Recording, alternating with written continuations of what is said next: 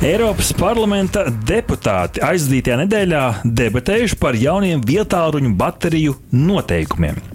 Aptverot to pilno bateriju dzīves ciklu, gan no to ražošanas, gan arī to pēdējās stundiņas, un arī uh, to dzīvi pēc tam. Uh, tālāk, virzītajā tiesību aktu projektā deputāti iestājušies par stingrākām prasībām bateriju ilgtspējai. Un tas, kas uh, varbūt praktiski, uh, kas no šī varētu iespējams izrietēt, ir tas, ka līdz ar 2024. gadu pārnesojamās ierīces, tā skaitā arī vietāluņi, ka šiem vietāluņiem baterijas atkal varētu būt pašiem vai nu, kādu uh, trešo pušu servisiem nomaināms. Jo tas, ko Rihards mēs esam pamanījuši, uh, man šķiet, ka laikam jau sāka Apple to tendenci, vai vienmēr ir bijusi tā Apple tendence, un arī citi pamanīja, ka šeit varbūt var dzīvot uz zaļā zara, ka šis baterijas patiesībā tik viegli vairs nevar nomainīt. Atceramies, Rihards, piemēram, nu, vecā labā Nokia 3310, kas bija katra daudz cilvēku kabatās. Tur šo vāciņu varēja diezgan viegli noņemt, ielikt varbūt pēc svaigu bateriju, un uh, ierīce gandrīz vai kā jauna. Šobrīd uh, tas uh, gan nav uh, iespējams, un šeit tiek aptverts ne tikai vietāluņu uh, baterijas, tā skaitā elektroskrējēji, automašīnu baterijas, tāds visaptvarošs visaptvaroš noteikumi, kas varētu ieviest diezgan praktiskas izmaiņas. Jā, nu ir jau atsevišķi vietāluņi, kuriem arī šobrīd var nomainīt baterijas. Šeit arī paši esam testējuši pagājušā Var gada ietvaros, var vai ne? Bet kādus, tas jā. tomēr ir izņēmums. Tā, kā tā būtu interesanta pārmaiņa. Un interesanti, vai arī vietpūksteņiem varētu nomainīt baterijas. Bet, nu, katrā ziņā šis ir viens no piemēriem, kā e, Eiropas zaļais e, kurs e, ienāk arī mūsu katra Eiropas Savienības pilsoņa ikdienā. Un bateriju pielietojums, piemēram, elektroautomašīnās tiek uzskatīts par zaļu rīcību, bet zaļumam jānoturas līdz pat bateriju pēdējai stundiņai. Mm. Un arī pēc tās tām tiekot pārstrādātām un atbilstoši, protams, pirms tam savāktām. Beig beigās jau droši vien ieguvēji būsim mēs visi. Nu, droši vien jautājums jums, klausītāji, vai jūs atceraties pēdējo reizi, kad jūs mainījāt baterijas saviem vietāluņiem? Es mainīju laikam pārnēsājumai kameriņai, lai tā varētu izdzīvot vēl vienu dienu, bet par vietālu man gan būtu jāpadomā. Divi. Tehnoloģiju uzņēmums Samsung izņoja tās jaunākos budžeta klases Galaxy A33 un A53 vietāruņus. Jauns processors, mākslīgā intelekta spēcināta kameru sistēma, divu dienu baterijas darbība, vidējam lietotājam, arī ko gan tas nozīmētu, 5G savienojums, kā arī 4 gadu operētā sistēmas atjauninājumi. Tie visi ir A sērijas jauno ieroču solījumi. Nu, A53 no A33 atšķirība patiesībā ir teiktu, diezgan neliela. Viens vien, vien colis, desmitdaļas vienība, lielāks ekrāns, protams, A53. ā, Un arī mēs skatāmies uz procesoriem. Abiem ir astoņu kodolu procesori. Tad, ja tur atšķirās kāda operatīva atmiņa, kādu pamata atmiņu, labā ziņa varbūt ir tā, ka no vienas puses iekšā atmiņa viņiem abiem ir diezgan neliela, 128, 256, bet šeit vēl micro SD atmiņas kartes arī ir pielietojams līdz pat terabaitam. Nu, un šeit, Rihard, tā laikam jau, diemžēl, arī Galaxy A sērija ir ā, kritusi par upuri tai globālajai tendencei, ka paciņā līdzi vairs nenākšot lādētāju štekeri. Jā, nu, tiešām būtu patiesi interesanti redzēt tādu leģitīmu un uzticamu pētījumu par to, cik ļoti tā mūsu planēta ir kļuvusi zaļāka, kopš lādētāji ir jāpērk atsevišķi. Nu, un, protams, šis iezīmē arī vēl vienu tendenci, jo gan šeit Samsung gadījumā, gan arī nesen stāstījām par Apple iPhone SE. eh, Nu, šie visi vietāruņi, kas ir tā teikt, tajā lētajā galā, atspoguļo to domu, ka ieejot veikalā, ir būtiski eh, mums acu priekšā redzēt visu iespējamo cenu kategoriju spektru. No gan zemākas cenas vietāruņiem līdz pat uh, prēmijam klases flagmaņiem. Un šeit tikai jānovēl rakstura stingrība, lai kādā brīdī jūs netiekat tā angliskais termins apselot, ja jums netiek iepārdots kaut kas vairāk nekā jūs Jums patiesībā patiesībā vajag, jā. Trīs. Nesenā intervijā ar uh, Marku Zukerbergu, Meta platformas bijušā Facebook uh, vadītāju, um, Marks, varbūt tālredzīgi, varbūt no viņa tika izvilkts jaunums par to, ka pārskatāmā nākotnē NFTs, jeb šie digitālie non-fungible tokens, mākslas darbi, arī būs daļa no Instagram sociālā tīkla. Lai gan tur netika atklāts daudz detaļas, ir skaidrs, ka Instagram komanda pie šī jau strādā.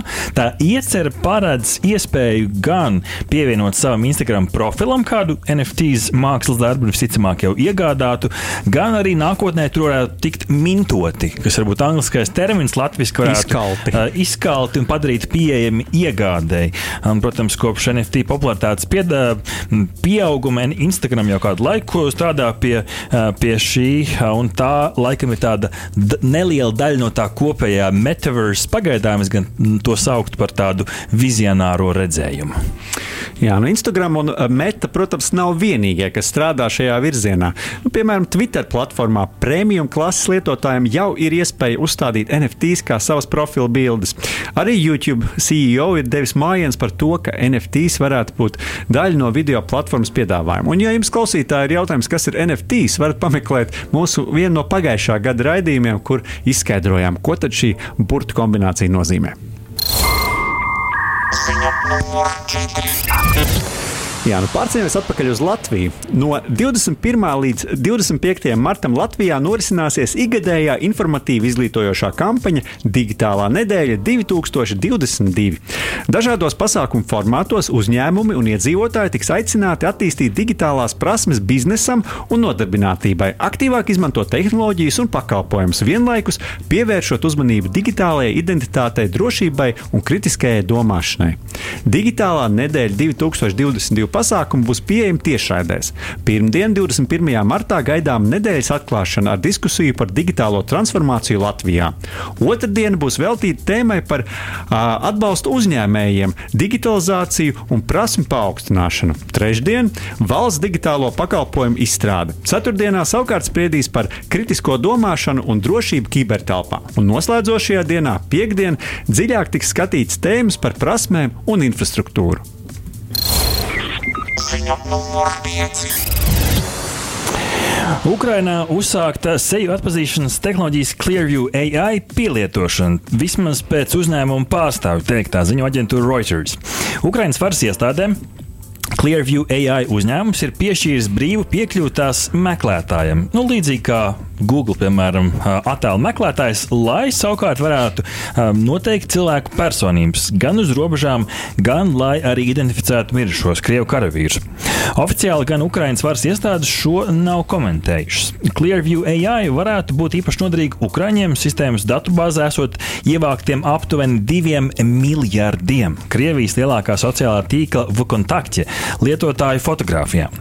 Kopumā sistēmas datubāzē gan Rihards esot desmit miljardi fotografiju, tā izskaitā arī no Facebook platformas, kura meta esot jau pieprasījusi izņemt. Pateicoties plašākajai fotografiju datubāzei, mirušos Krievijas karavīrus ar šo sistēmu varēšot identificēt arī pēc uh, sejas bojājumu um, ra rašanās, arī ja gadījumā nav tik viegli identificējami. Iespējams, ka šī sistēma varēšot noderēt arī tādiem, um, tādiem nolūkiem, jā. gadījumiem. Uh, uzņēmums gan jau ir izpelnījis arī nopelnumu gan no valstīm, gan no uzņēmumiem, kas pieprasījuši izņemt to iedzīvotāju un lietotāju fotografijas. Jā, nu, mēs jau teiktu, ka karā visi līdzekļi ir labi, bet uh, no otras puses šaura tā līnija starp šīm kara vajadzībām un cilvēku tiesībām uz privātumu. Iespējams, arī tieši tāpēc Ukraiņas varas iestādes šo sistēmu, šīs sistēmas izmantošanu nav publiski apstiprinājušas. Uh, uzņē, uzņēmuma vadība gan skaidrojas, ka tā strādājot līdzīgi kā Google uh -huh. attēlu vākšanas sistēma, kā arī visiem publiski pieejamā PIMAIS.com sistēma, uh, kurā ievietojot fotografiju, var internetā meklēt cilvēku identitāšu. Identitāti. Taču uh, Clearview izveid, izdevies savākt pagaidām iespaidīgāko datubāzi uh, salīdzinājumā, piemēram, ar šo PIMAIS. Tā, lai mūsu klausītāji labāk saprastu šīs sistēmas darbību, no vienas puses jau it kā šī sistēma nedara neko nelegālu. Tāpat kā mēs varam iet Facebook meklētājā un ierakstīt vārdu, uzvārdu Artis Ozoliņš, un tur izlaiž vesels saraksts cilvēkiem, līdzīgi dara šī sistēma, bet nu, tur, protams, nav cilvēks, tur ir robotiņš, kas veic šīs darbības ļoti ātri. Tas tas, ko viņš nu, vismaz vispārīgā līmenī izdara, viņš paņem fotografiju, kopiju, paste, lai lejupielādē un pieliek, piemēram, faila nosaukumā vārdu un uzvārdu. Un šādā veidā nu, veidojās datubāze. No vienas puses jau nav nekas nelegāls, no otras puses, vienā brīdī, kad tev ir desmit miljardi ar fotografijām, gan valsts, gan uzņēmumi, paliek uzmanīgi. 6. Paliekot uh, pie Ukrainas uh, un uh, kara darbību, kas norit Ukrainas teritorijā, pētnieki ir atklājuši kārtējo ļaunprātīgo tīrīšanas programmatūras klātbūtni, kura vērsta pret Ukraiņu datoriem. Tā dēvēto Caddy Viper dzēšanas vīrusu atklājuši esat uzņēmumu kiberpētnieki Slovākijā. Caddy Viper ļaunatūra izdzēš lietotāju datus, tā skaitā arī no visām datoram pievienotajām ierīcēm un to cietajiem diskiem. Un tas, ko var saprast no Twitter kodu gabaliem, izskatās, ka uh, šis vīrus vienkārši visus uh, failus tādā ritīgi. Primitīvā līmenī pārraksta visus tos uh, dažādos kodus, pārtaisot par nulītēm. Nu, šobrīd nav zināms, protams, tas, uh, nu, tas ietekme uh, šim uzbrukumam, bet nu, skaidrs, ka šī programmatūra pēc savas būtības ir destruktīva un vienīgais mērķis šeit ir iznīcināt. Incidents ir novērojams, ka dienu pirms Krievijas uzbrukuma Ukrainai 23. februārī Ukrainai kibervidē uzbruka ar Hermetic Viper ļaunatūru, bet invāzijas dienā 24. februārī tika pielietota Isaac Viper ļaunatūra. ESA pētījumi liecina, ka šīs ļaun, ļaunprātīgās tīrīšanas programmas jau esot izstrādātas krietnu laiku pirms agresijas Ukrainā, kas ļauj tikai spekulēt, cik sen uzbrukumu Ukrainai Krievija jau sāka plānot. Starp citu, marta sākumā mums bija aizraujoša saruna par kiberuzbrukumiem uh, Ukraiņas kontekstā, un silti iesakām to noklausīties podkāstu vai arī radiostacijā arhīvos. Ziņa numur 7. Atgriežamies Richard, pie NFTs. Nu, šī pasaule, protams, nebeidz, nebeidz pārsteigt.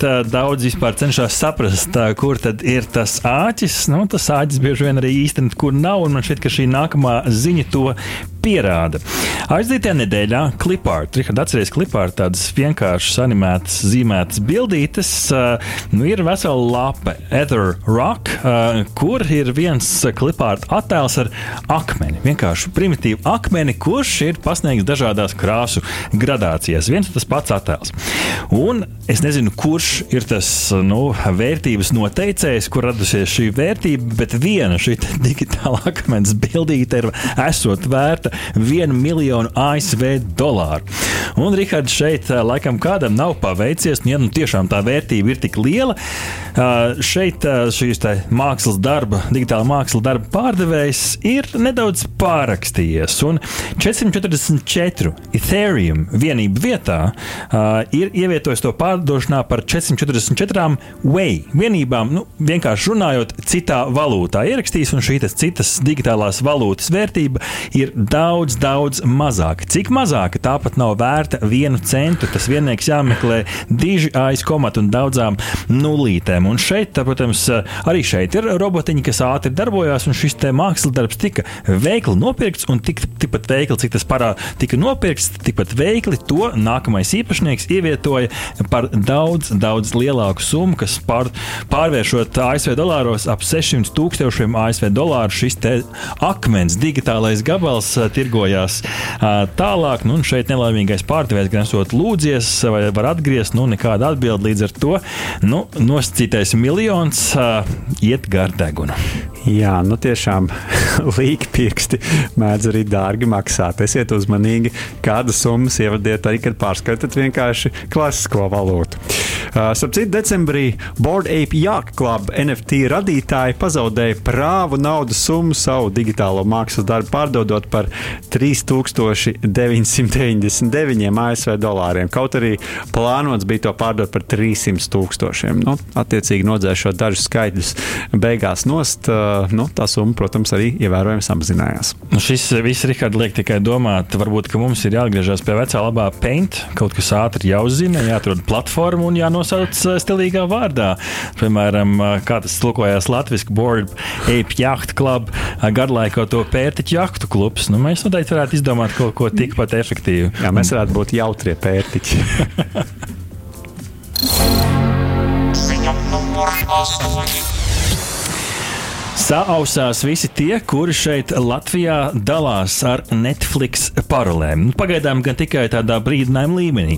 Video straumēšanas platforma Netflix ir uzsākusi cīņu pret paroļu dalīšanos. Tikai pāris nedēļas pēc cenu pacelšanas platforma Čīlē, Kostarikā un Peru, nu šobrīd gan diezgan tālu no Latvijas, ir piegriezusi skrūvītas tiem lietotājiem, kuri dalās ar savu Netflix paroli ar citiem cilvēkiem, ar draugiem, draugiem, varbūt pat radiniekiem, kas dzīvo pilnīgi citā mājsaimniecībā. Dāsniem lietotājiem atnāca paziņojums par to, ka viņiem, lai gan ar nelielu atlaidīti, bet tomēr ir jāpiemaksā katru mēnesi par šiem lietotājiem, ko sistēma noteikusi, ka viņi tomēr nav vienā mājsaimniecībā. Paskaidrot nedaudz lietas būtību, vienā šajā pirkšanas nu, paciņā var līdz pat četriem ekrāniem būt. Un līdz ar to cilvēki varbūt zinot, varbūt biežāk gan uh, izmantojot šo iespēju, dalās ar savu kontu, ar savu paroli. Līdz ar to nav jāmaksā vairākiem cilvēkiem šī summa, katram atsevišķi, bet var dalīt pa galviņām. Nu, šeit šie lietotāju ravēšanas centieni laikam ir likumsakarīgi, jo Netflix, lai gan ļoti populārs, ir sasniedzis tā diezgan lēzenu līmeni, un tā izaugsme nav gan tik liela. Netflix cena, nu, premium segmentā, tīpaši varbūt, ka basic segmentā tā cena aug mazāk, bet premium segments, kas Latvijas runājot, vienkārši nozīmē labāku kvalitāti un vairāk ekrānus vienā, vienā mājsaimniecībā. Ir gan nu, kopš 2013. gada teju vai dubultojusies par to ziņo portāls The Verge. Jā, nu šī tiešām, kā jau Arts teica, varētu būt pat jau kārtējā ravēšanas talka, kad mēģina Netflix cīnīties ar šo te paradumu, dalīties ar paroli. Bet iepriekš Netflix jau iepazīstināja ar tādu kontu verifikācijas rīku, mm -hmm. ar Mhm. kuru laikam gan tomēr nelīdz galam sekmīgi uzņēmums centās ierobežot dalīšanos ar šīm konta parolēm. Interesanti, kā, tas, kā šī ravēšana strādā, pēc kā viņi nosaka, pēc tādām regulārām atrašanās vietām, kā viņi definē mājsaimniecību. Šo visu būtu, protams, interesanti nu, jā. Izprast, bet diez vai mums kāds šo stāstīs. Ja, ja reizes būtu aizbraucis komandējumā uz citu valsts, droši vien es arī gribētu savā telefona ekrānā turpināt skatīties savu Netflix, un tad jau īsti ar lokāciju to nevarētu Jā, bet, ja tu esi komandējumā otrā Rīgas pusē un vairākus gadus pēc kārtas, tad jau rodās jautājumi.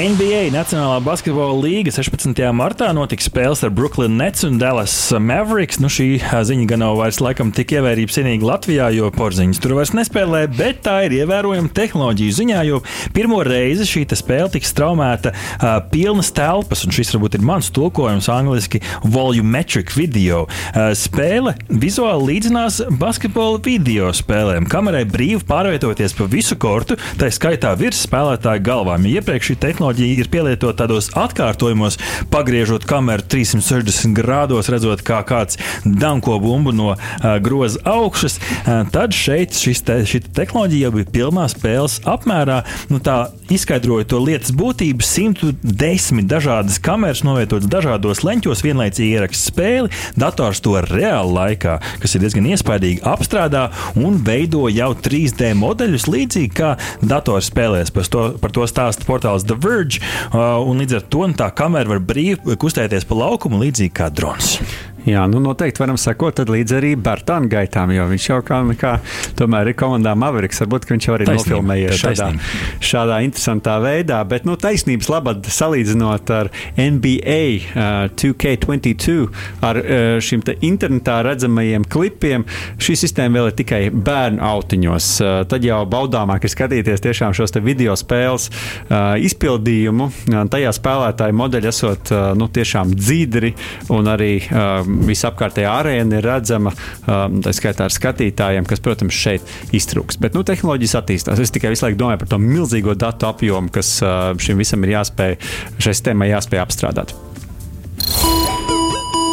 Ziņa numur desmit. Un visbeidzot, digitālajās brokastīs noslēdzošā ziņa pirmo reizi 17 gadu laikā ASV tirgu auguši kompaktu disku pārdošanas apjomi 21. gadā par 21% vairāk nekā gadu iepriekš, sasniedzot 584 miljonu ASV dolāru robežu, eh, kas eh, varbūt interesanti arī, arī platēm ir aug- auguši pārdošanas apjomi. Šeit gan šeit, ka plates varētu būt kā tāda jau tāda ikoniska lieta, ko mūziķi arī izveido līdz ar savām digitālajām kopijām. Amerikas ierakstu industrijas asociācija savā atskaitē ziņoja, ka kopējā fizisko mūzikas ierakstu pārdošanas apjoma ASV sasniedza 1,66 miljardus ASV dolāru. Tātad diezgan liela summa vēl joprojām. Turpretī pēc asociācijas datiem tieši maksas digitālo lejupielāžu skaits pērn ir krities. Šogad nesajauciet ar straumēšanas platformām, jo lejupielādētas dziesmas ir viens, bet straumēšana jau ir nedaudz citādāka tehnoloģija. Tās gan turpina augt. Dažādi mūzikas straumēšanas servisi kopumā ir ienesuši 12,4 miljardus ASV dolāru, ziņo portāls Engadget. Nu šeit salīdziniet, ja fiziskās kopijas 1,66, digitālā straumēšana 12,4, tad mēs saprotam, kur tomēr tā industrija iet, bet tomēr vērā ņemams jaunums. Jā, nu ko varam teikt? Nemetiet ārā savus plašus un CD atskaņotājus. Diski un plates nav mirušas. Starp citu, arī tepat Rīgā var atrast plašu entuziastus, kuri šādi tiekas plaši tirdziņos. Un, nu, kas ir interesanti jūsu pēdējais fiziskais ieraksts, ko esam paši pirkuši? Es, Ko tu pirki? Es laikam esmu pircis diskus, mūzikas diskus. Priekšmašīnas? Negluži. Es vienkārši esmu pircis tāpēc, lai atbalstītu laikam latviešu māksliniekus. Tā ir ļoti cēla rīcība. Es padomāju, es pat esmu pircis plati pavisam nesen. Uh, esot ASV dodoties ceļojumā, gribējās atvest draudzenei kādu īpašu suvenīru un iegādājos The Weekend plati, kas ir šis trends un uh, tendence, par ko es runāju, ka bieži vien mākslinieki izdod arī vinila ierakstu nu, tiem, kuriem patīk joprojām uzlikt plati un paklausīties šādā klasiskajā formātā. Paldies, ka klausījāties tehnoloģiju ziņu topu. Aha! Paldies, ka noklausījāties mūsu līdz galam! Ja patika, uzspiediet laiku, atstājiet komentāru vai padalieties ar draugiem. Un nobaudiet arī citas epizodes, kā arī sekot mums, lai nepalaistu garām savu ikdienas tehnoloģiju ziņu devumu.